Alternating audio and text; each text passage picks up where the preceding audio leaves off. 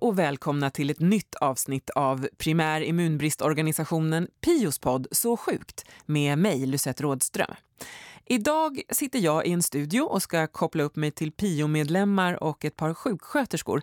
Jag tänkte höra med medlemmarna hur deras primär immunbristsjukdom påverkar och har påverkat dem i olika åldrar i livet. Finns det utmaningar i vardagslivet som inte bara hänger ihop med själva sjukdomen utan med livsfaser? Tack och lov går ju forskningen framåt och metoder för diagnos och behandling utvecklas hela tiden. Så förhoppningsvis så kan de som är unga idag när de får sin diagnos slippa en del symptom och komplikationer tack vare ny kunskap. En viktig källa till kunskap om vilka behandlingsmetoder som fungerar bäst är kvalitetsregistret PIDCare. Så det ska jag prata med sjuksköterskorna Ramona Fust och Karina Hagstedt om för att ta reda på hur det fungerar. Då så, då har jag med mig Johan Bechtel från Stockholm och Annette Andersson från någonstans i Småland. Är det så? Mm, det stämmer, jag bor i Eksjö. Vi ska ju prata om primär immunbrist genom livet, så då tänker jag att det inte är helt oförskämt om jag börjar med att mm. fråga hur gamla ni är. Johan, du kan börja. Ja, jag är snart 33 år gammal. Och Annette? Eh, jag kommer att fylla 65 i december. Och så tar vi det där med immunbristen. Vilken variant har ni och när fick ni diagnosen? Johan, du kan börja där också. Eh, jag har CVID och jag fick min diagnos när jag var 24. Så jag har väl snart haft det i nio år ungefär. Då. Och det är samma för mig. Jag har också samma diagnos där, CVID, och jag var 25 år när jag fick min diagnos. Anette, du är äldst och har flest år av erfarenhet. Hur skulle du säga att din immunbrist har utvecklats från när du var ung fram till nu? Tyvärr så har jag fått lite mera autoimmuna sjukdomar på grund av min CVID. Så att tyvärr har det gått för min del lite åt fel håll. Hur, hur skulle du säga att ditt, om vi säger så här, har ditt sätt att handskas med din immunbrist i vardagen, har den förändrats genom åren och hur? Ja, ja det har det gjort på grund av att den har gjort att jag har fått begränsningar i vad jag kan göra i mitt liv. Framförallt fysiskt. Eh, just nu så påverkar det med min andning då, det här promenader. Jag har älskat att dansa, det, det kan vi glömma. Eh, det passerar, nej men sådana här fysiska aktiviteter och så framförallt tröttheten. Hur hanterar du det i vardagen? Eh, med åren har man ju lärt sig att lyssna på sin kropp. Det är ju inte alltid kropp och knopp eh, talar samma språk. Men eh, man kanske blir lite förståndigare när man blir lite äldre och lyssnar mera på vad, vad kroppen säger att man ska göra. Så att det händer faktiskt allt som oftast nu för tiden att jag tar en liten vilopaus på dagen, vilket jag ju aldrig gjorde tidigare. Hur har det varit för dig genom åren? Hur har du liksom hanterat familjeliv, arbete, fritidsintressen och allt sånt där? Eh, helt fantastiskt har det varit för jag började yrkesarbeta när jag var 16 år och jobbade fram till 2017 och det har fungerat bra. Eh, jag har varit öppen och ärlig med min sjukdom gentemot arbetsgivare och arbetskamrater. Sen har det kanske inte alltid de har förstått vad sjukdomen innebär. Men för mig har det varit viktigt att jag ska vara tydlig med min sjukdom med tanke på att den inte syns utåt. Har du känt att det har kommit ny kunskap och så vidare? Som, som har... Eh, det har ju förändrats jättemycket. Eh, när jag fick min diagnos då fick man intramuskulära Eh, injektioner i skinkan. Och sedan fick man gå till sjukhuset för att få sina behandlingar. Sen fick jag höra att man kunde ha hembehandling. Så nu har jag ju då hembehandling. Så där har ju skett en enorm utveckling. Johan, vad tänker du när du hör Annette berätta här hur det har varit för henne eh, genom åren? Jo, men jag tänker att det har skett ganska mycket utveckling över tid så att det har förändrats för, för Anette och, och så sen, sen hon fick det. Jag har ju levt med det här, inte lika länge då, utan fick för min diagnos för snart nio år sedan och har ju levt med den här sjukdomen kanske lite mer först och främst försökt anpassa mig för att leva, leva med den så normalt som möjligt eh, och försöka ha en så normal vardag som möjligt. Haft den inställningen till det hela.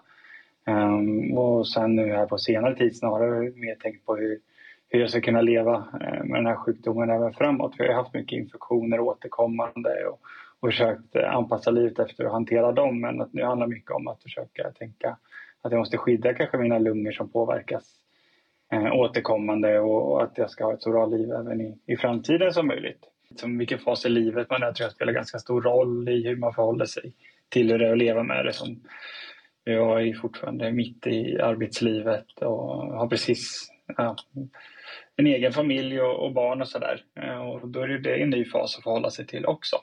Um, så jag har väl mycket kvar att få lära mig här framåt. Um, så. Jag tänkte säga det, eller du sa det själv. Du är ju fortfarande mm. i allra högsta grad aktiv. Du är vd på ett vårdbemanningsföretag. Och, och trogna mm. lyssnare av podden kanske minns att du faktiskt var med när vi talade om eh, primär immunbrist och arbetslivet för ett par år sedan. Men vi, vi kan mm. ta det där lite igen tycker jag. Hur, hur tycker du att ditt liv har påverkats av din immunbrist? Men i stort så lever jag så normalt som möjligt. Utan det, det stora är de här återkommande infektionerna, att man är trött och, och hängig i perioder. Så. Utan jag har försökt leva mitt liv så normalt som möjligt helt enkelt. Och inte tänkt att det här ska begränsa mig på något sätt utan att eh, det ska vara så normalt som, som det kan vara för de flesta. Men sen har jag en insikt i att eh, mitt liv är kanske inte likadant utan jag får infektioner oftare, blir lite tröttare och, och hängig i perioder. Och, och det är så det är lite. Um, och att jag snarare då när man har fått en behandling med antibiotika får mycket uh, infektioner som, som drabbar luftvägarna. Då att uh, när man väl har, har behandlat dem och lite, får en friskare period efteråt, då är man ju mycket piggare och orkar mer. Uh, så är det även om man kanske inte är jätte, jättetrött när man är mitt i en infektion, men man är ändå lite påverkad och har inte riktigt samma energi. Ehm, så är det ju. Men annars har jag tänkt att jag ska ha ett så normalt liv som möjligt.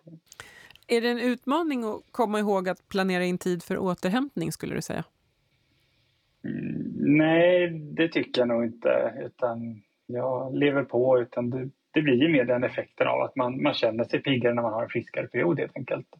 Eh, men, men annars så, så är det inget jag aktivt behöver arbeta så mycket med. Det kanske har att göra med att jag fortfarande är relativt ung och, och mitt i det och inte tänker så, så jättemycket på, på det utan jag, jag, jag lever på så normalt som möjligt och att det, är en normal del av vardagen. En sak som jag har tänkt på det är att personer med primär immunbrist nog oftare råkar ut för att de måste ställa in olika roliga saker för att de blir sjuka. Gör det att ni ibland tvekar till att planera in resor eller eh, annat roligt? Vad säger du, Annette? Nej, eh, jag, jag planerar in, men jag gläds inte åt Eh, det här jag ska göra, om det är ett event eller någon konsert, förrän det att jag kanske sitter i bilen på väg dit eller till och med sitter i salongen. Då kan jag känna tacksamheten och glädjen. Yes, jag fick vara med om detta. Men jag, jag ser inte fram emot det så det är jättestort för jag har åkt på lite smällar genom livet och då blir jag så enormt besviken och ledsen. Och det är liksom inte värt det. Alltså att jag tar ja, som sagt, när jag väl är på plats, då gläds jag desto mer åt att jag, yes, jag kunde få vara med om det här och jag kunde göra det här. Vad säger du Johan? Nej, det är nog inget som jag har eh, tänkt på alls och förhållit mig till så utan eh, vi planerar in saker och så normalt som möjligt. Det är inget jag tackar nej till utan det, det, det är inget jag, jag tänker på aktivt så mycket utan har jag varit sjuk så har jag varit sjuk och annars har jag kunnat göra det mest. Jag hörde en mamma till barn med primär immunbrist säga att familjen har blivit något av världsmästare på att ställa om och hitta en plan B för att hålla humöret och gnistan uppe. Känner ni igen er i det? Vårt liv har ändå rullat på helt enkelt. Så jag har inte varit så jättepåverkade eh, i min familj av det utan jag kan tänka mig att det kan, kanske är mer påtagligt när man kanske lever med barn som har det och att eh, det finns andra förväntningar och ett annat sätt att, att tackla motgångar på då. Hur tänker du kring framtiden då? Jo, men jag tänker väl ganska gott om framtiden. Jag tänker att jag ska fortsätta leva på så, så gott som möjligt. Eh, det jag var inne lite på att det kanske jag har förändrat mitt förhållningssätt till att leva med det här till att kanske tänka lite mer långsiktigt i framtiden. Att försöka, um, de val jag gör nu och hur jag hanterar den här sjukdomen i vardagen påverkar kanske hur pigg jag kommer vara när jag blir gammal också. Uh, så det handlar mycket om att, att skydda uh, mina lungor till exempel som, som får återkommande infektioner så att de orkar med så länge som möjligt innan de får alltför stor påverkan. Då. Så det är väl lite det jag tänker på när jag tänker på framtiden. Vad säger du Annette? Hur ser du på framtiden? Eh, jag lever i nuet, här, här och idag. Och än en gång, jag kommer tillbaka till det här jätteofta. Jag, jag, är så glad för det jag kan göra. För jag vet att jag, jag får mina bakslag och därför är de här dagarna som jag mår bra, jag säger nästan dagar, jag säger inte veckor, de är så värdefulla så att jag, jag bara greppar dem och lever här och nu. Sen går ju faktiskt också forskningen framåt eh, inom det här området, hur, eller hur?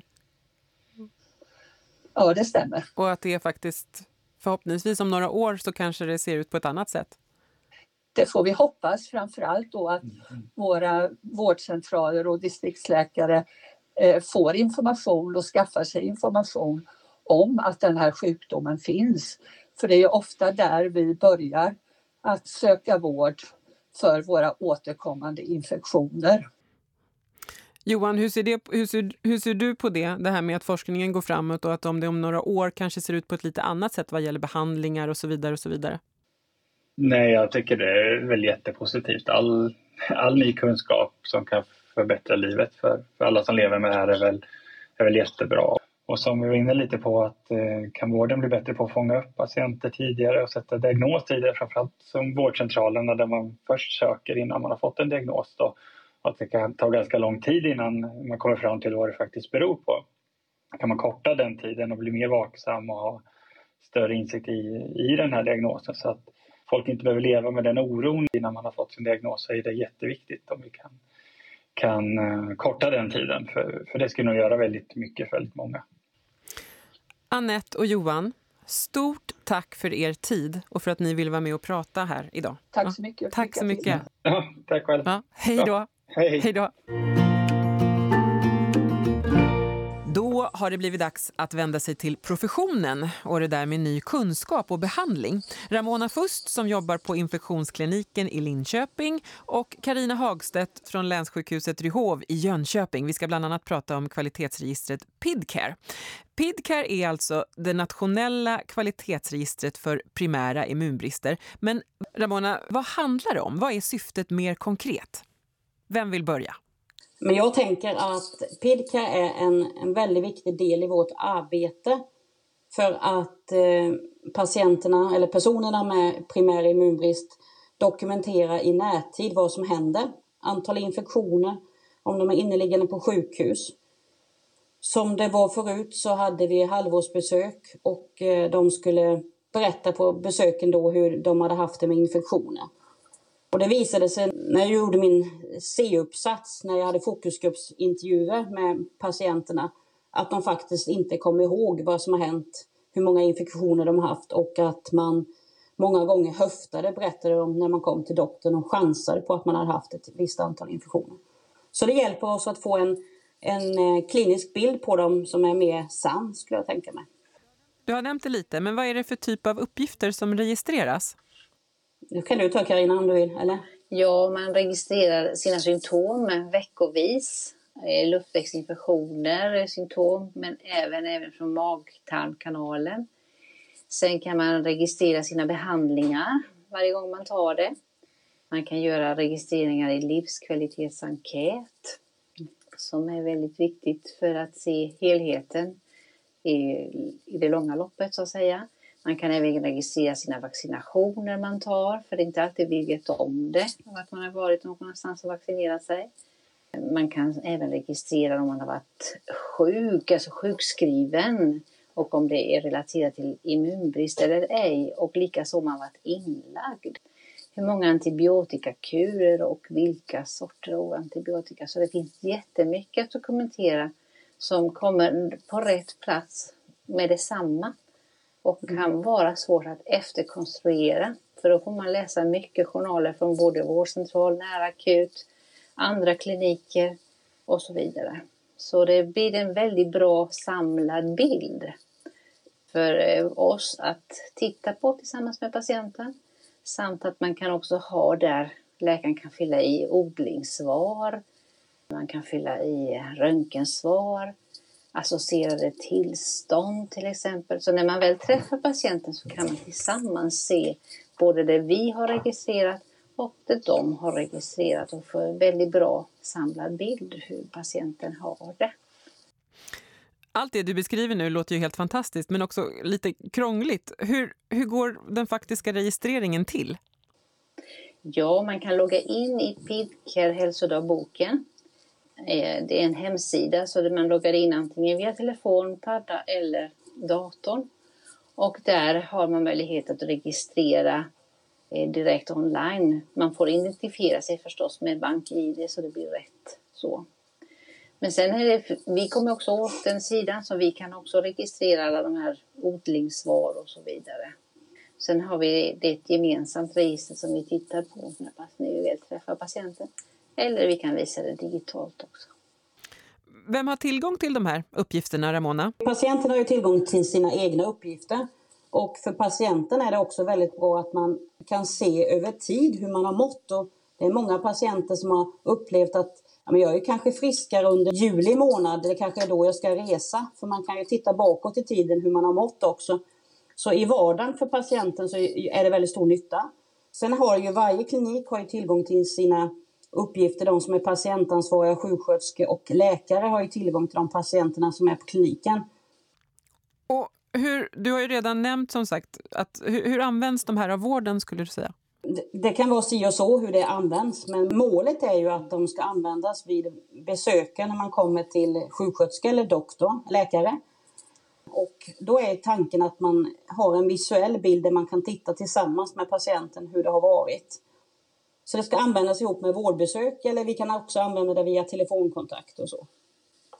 Men är det så, skulle du säga, att alla inom professionen kanske inte ser potentialen med det här än? Ja, jag skulle vilja säga att vi ligger lite olika till. Det, man har kommit lite längre i Jönköping tror jag och man har kommit längre i Stockholm.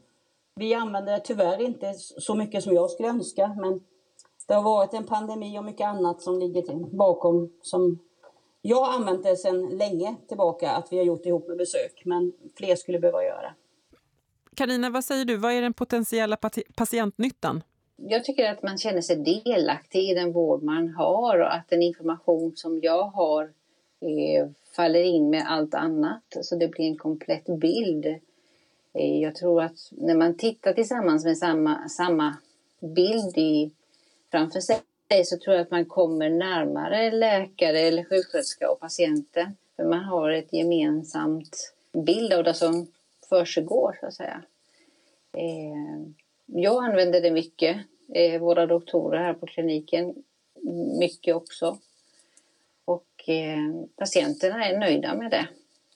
Jag tänker att det finns en utmaning och kanske ett litet krångel kring det här att primär immunbrist har en så rik flora av olika tillstånd. Det är ett system fler än 450 olika sjukdomar. Ja, det, vi kan väl säga att PIDCARE-hälsodagboken är framförallt riktad till personer som har en antikroppsbrist, vilket är ungefär 80 procent av alla patienter som har någon typ av diagnos inom immunbrist. Eh, sen finns det ju de diagnoser inom immunbrist som man inte har någon direkt stöd av användare med patienten. Men då har vi andra delar som, säg att jag har en patient med en, en väldigt eh, sällsynt diagnos inom immunbrist. Då kan jag få data utan att röja undan vilka patienter det gäller. Då kan jag be få från gruppen som har det här registret veta, finns det någon annan med den här diagnosen i Sverige? Ja, det finns tre i Stockholm kan jag få svar. Då kanske man, om patienten så önskar, kan man ta kontakt med de läkarna och kanske få en second opinion eller på något sätt utveckla vården av just de här sällsynta diagnoserna. Så det finns olika delar i det här, men det till vardags och till den största gruppen är det de personer som har antikroppsbrist och nästan alla har då immunglobulinbehandling. Så det är väl den gruppen som man använder det mest till.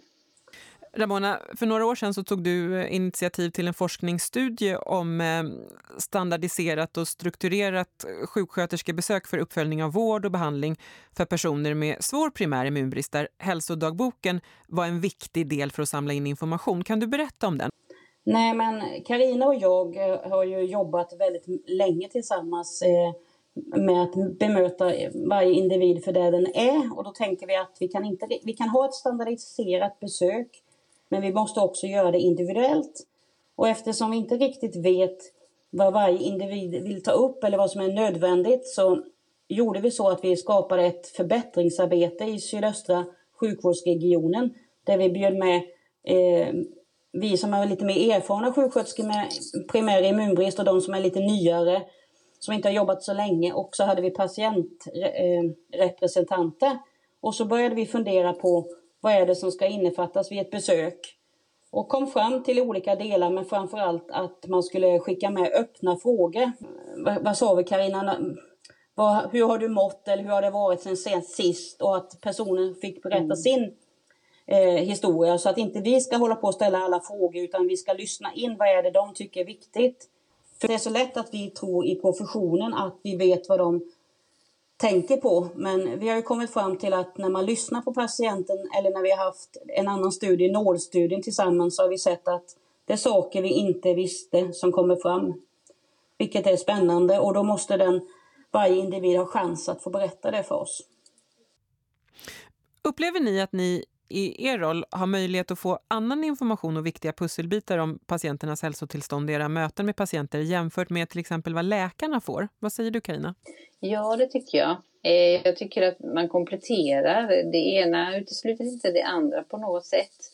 Men om man tänker sig att man har en kronisk diagnos, man kanske träffar läkare, säg en gång i halvåret eller en gång om året, 30 minuter. Sen är det självklart fritt att höra av sig däremellan om man har frågor och problem. Men det kanske inte blir av. Men det är mycket som ska liksom gås igenom på det 30 minuter. Och där har jag mött många saker när jag har haft eh, patientbesöken som sjuksköterska, att det kommer upp andra aspekter. Eh, det kan vara allt från mycket kring det praktiska, hur man gör, hur problemen kring behandling med pumpar och nålar. Men det kan också vara frågor som, ja, är det här ärftligt? Hur mår mina barn? Eller ska jag vara orolig för detta? Vilket jobb ska jag ta? Det är så många frågor som man går och bär på som man inte får tid att prata. Så definitivt att man får fram andra aspekter. Om vi ska återknyta till temat primär immunbrist hela livet. Ni har ju väldigt stor erfarenhet av patienter med kroniska sjukdomar. Vad skiljer en ung person från en äldre när det gäller primära immunbristsjukdomar och hur det påverkar deras vardag? Ramona? Ja, jag tänker att en stor skillnad är väl att man eh, kanske kan känna sig begränsad ihop med att man har mycket infektioner och att man då också ska försöka fundera på hur mycket vågar jag vara ute i samhället? Hur, vad ska jag välja för yrke? Kanske man funderar på mer när man är yngre. Och eh, hur mycket ska jag avstå? Vilka är riskerna för mig? Jag tänker också familjebildning förstås och många av de delarna. Och, och framförallt så kan tankarna komma hur, ja, hur, hur sjuk är jag och hur, hur lång, alltså vad kommer jag drabbas av? Det är klart att när du är ung så är ju det här väldigt komplicerat och man kanske vill resa utomlands, man kanske vill studera på annan ort och hur kommer det här påverka och begränsa mig? Och vårt jobb är ju då att försöka att inte låta sjukdomen begränsa utan snarare försöka hjälpa så att det eh, ges möjlighet att göra det man drömmer om även att man är ung. Så att lite de där drömmarna som jag tänker att det är lite mer när man är ung och man ska liksom bilda både familj och framtid på något sätt. Att det är många frågor där som är, kan vara lite kluriga, som behövs ett, att samtala om. Och hur är det för de äldre skulle du säga? Ja, men jag tänker att det påverkar jättemycket för att de, vi har ju de som kanske inte vågar hämta sina barnbarn, de kanske inte är med på sina släktkalas och man kanske drar sig undan för att man är rädd att bli sjuk och så. Och eh, det finns ju de som verkligen är begränsad av detta och genom att eh, i både i Jönköping och Linköping så har det varit läkarkafé där där man faktiskt har diskuterat med andra som har varit äldre tillsammans och inser att, att en del vågar göra mer och att man faktiskt vågar göra ett annat liv om man liksom tänker på hur jag kan skydda mig i alla fall. Då. Så att hur eller hur så påverkar de både unga och äldre till att man ibland drar sig undan för att man är rädd att bli infekterad. Och där kanske vi kan stötta upp och ge lite tips. Vad är ert bästa råd till personer som har primär immunbrist när de ska tänka just i termer av hela livet? Karina, du kan börja. Ja, för mig är det viktigt att man har en bra balans att förstå vilken sjukdom man har och hur det påverkar. Och kontra att vara orolig och rädd. Jag tror att om man förstår hur allting hänger ihop och samman så äger man frågan på ett helt annat sätt. Man förstår också vad behandling har för betydelse, vad behandlingen, om man inte tar den, har för konsekvenser till exempel. Eh, sen förstår man också om jag gör de här sakerna, vad riskerar jag? Är det värt det? Så det är just kunskap och mm. känna sig trygg i det man väljer. Eh, det är viktigt för mig än att patienten ska känna sig, eller personen känna sig orolig och ängslig och inte våga någonting. Mm. Ramona, vad säger du? Vad har du för bästa råd?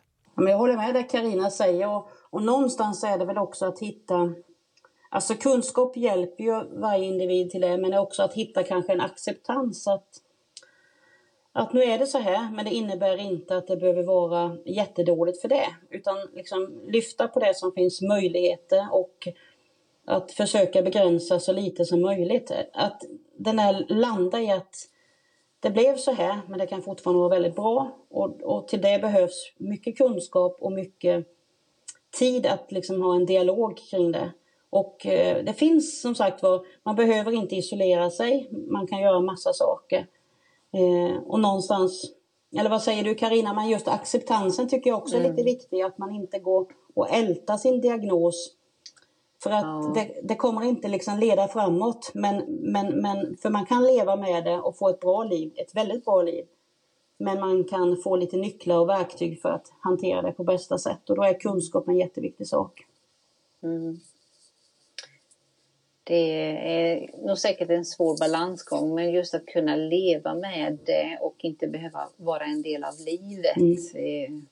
Att man inte behöver vara sin sjukdom, utan man kan vara sig själv och ha sina intressen. Men man har det här med sig bredvid hela tiden och kunna acceptera det. Det är precis som Ramona säger, det är viktigt att komma dit. Det finns två frågor i i PIDCARE som bland annat är det så här, hur mycket påverkar sjukdomen i ditt vardag, vardagliga liv och hur mycket påverkar behandlingen i ditt vardagliga liv?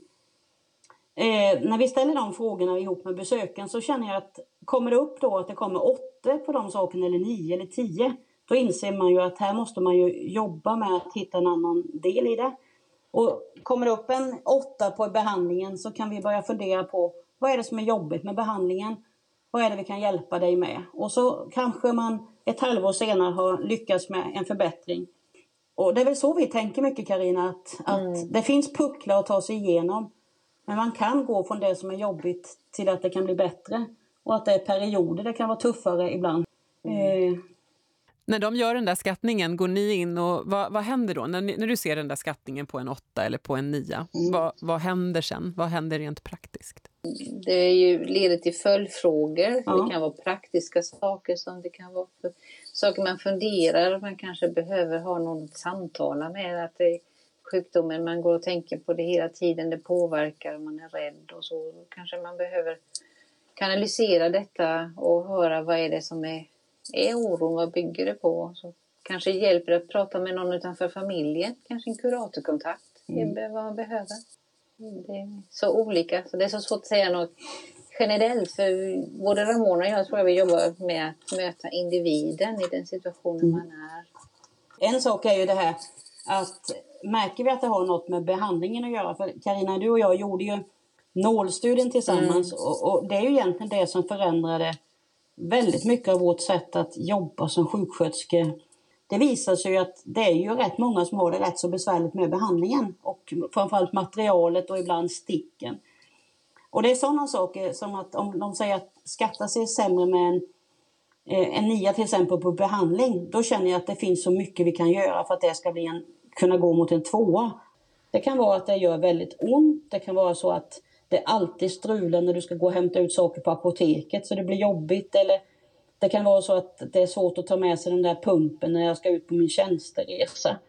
Och då blir vår uppgift som sjuksköterskor att försöka identifiera vad det är som är mest jobbigt och sen får vi ta en dialog med doktorn och se om det kan ändras ett behandlingsintervall eller ja, ändra pump eller något sånt. Så att vi för en dialog tillsammans med patient, läkare och sjuksköterska. Eh, man ska inte behöva ha det besvärligt, det finns det saker vi kan lätta för dem. Det du berättar för mig, Ramona, det får mig att tänka på ett avsnitt med patienten Caroline som handlar om när man inte är kompis med sin sjukdom och medicinering heller eh, för den delen. Det är avsnitt sju och jag kan, jag kan verkligen tipsa om det. Det är en riktig solskenshistoria, så lyssna gärna på det. Ramona, Karina, ni är tillsammans en helt fantastisk eh, kunskapsbank och jag är jätteglad och mycket tacksam över att ni vill eh, vara med här i podden och dela med er av allt ni kan. Tusen tack! Tack så mycket själva. Tack, tack. Mm.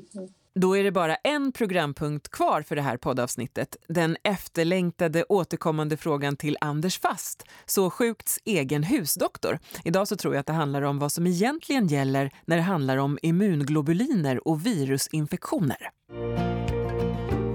Anders svarar och förklarar. Jag har ofta virusinfektioner men inte bakteriella infektioner. Jag har ofta frågat om jag inte skulle må bättre om jag fick prova att öka dosen immunglobulin, men har fått till svar att immunglobulinet bara skyddar mot bakteriella infektioner. Men nu har jag hört att det snart finns antikroppar mot covid i immunglobulin och det är ju ett virus. Hur är det egentligen? Skyddar immunglobulin mot både virus och bakterieinfektioner? Svaret är ja. Men, det finns alltid ett men. Det kan variera mellan olika virus men självklart så är det så att eh, det finns antikroppar även mot virus. Men just mot vissa virustyper så kan T-cellerna vara mycket viktigare. För vissa virus så är antikropparna avgörande. Vi kan tänka oss eh, på det här sättet. Antikropparna fungerar som målsökande robotar och fäster sig på ett virus eller en bakterie och hindrar på det sättet spridning. Man brukar tala om att neutraliserande antikroppar, det hörs ju liksom närmast som en krigsterm, de neutraliserar fienden. Den kan inte sprida sig. Men om virus redan har infekterat en cell och finns där inne, då behöver vi T-cellerna för att ta hand om den cellen som är infekterad. Och lite granna balansen det här mellan att behöva neutraliserande antikroppar och ha T-celler varierar väldigt mycket. Uppenbarligen är det så för covid att de neutraliserande antikropparna spelar en väldigt stor roll. Man kan ta som exempel ett annat exempel. Poliovaccinet finns i två varianter. Ett avdödat vaccin som vi använder i Sverige och som regel i västvärlden. Det kan vi ge till alla med immunbrist eftersom det är avdödat. Men i de resurssvaga länderna så vaccinerar man med ett levande vaccin. Och eh, där måste man ha antikroppar för att det inte ska spridas. Har man inga antikroppar, så även om man skulle ha en antikroppsbrist, säg variabel immunbrist, eller pojkarna med Brutons agammaglobulinemi, så kan de få polio av vaccinet fast de har helt normala T-celler. Så det här varierar, man får tänka på olika virus. Men det är mycket möjligt att frågeställaren skulle kunna må bättre med en lite högre dos Och då kommer vi tillbaks till det där svaret på frågan hur mycket ska man ge? Och det kan alltså vara värt att se om man ger lite mera. Kanske är frågeställaren inställt på den där dosen neråt 7 eller kanske till och med lite lägre. Och finge man ge lite högre dos, att det närmade sig 9-10, så skulle det kanske ha en betydelse också för antalet virusinfektioner. Och då skulle jag säga att rekommendationen till den här frågeställaren är att ta med sig svaret från gurun doktor Anders till sin läkare och säga lyssna på Anders. Kanske det, ja. Mm, bra. Då återstår bara att säga tack och hej då från mig, Lucette Rådström, tekniker Mats Källqvist och producent Estrid Holm. Och tack CSL Bering som gör det möjligt för oss att göra Piopodden så sjukt. Hej då!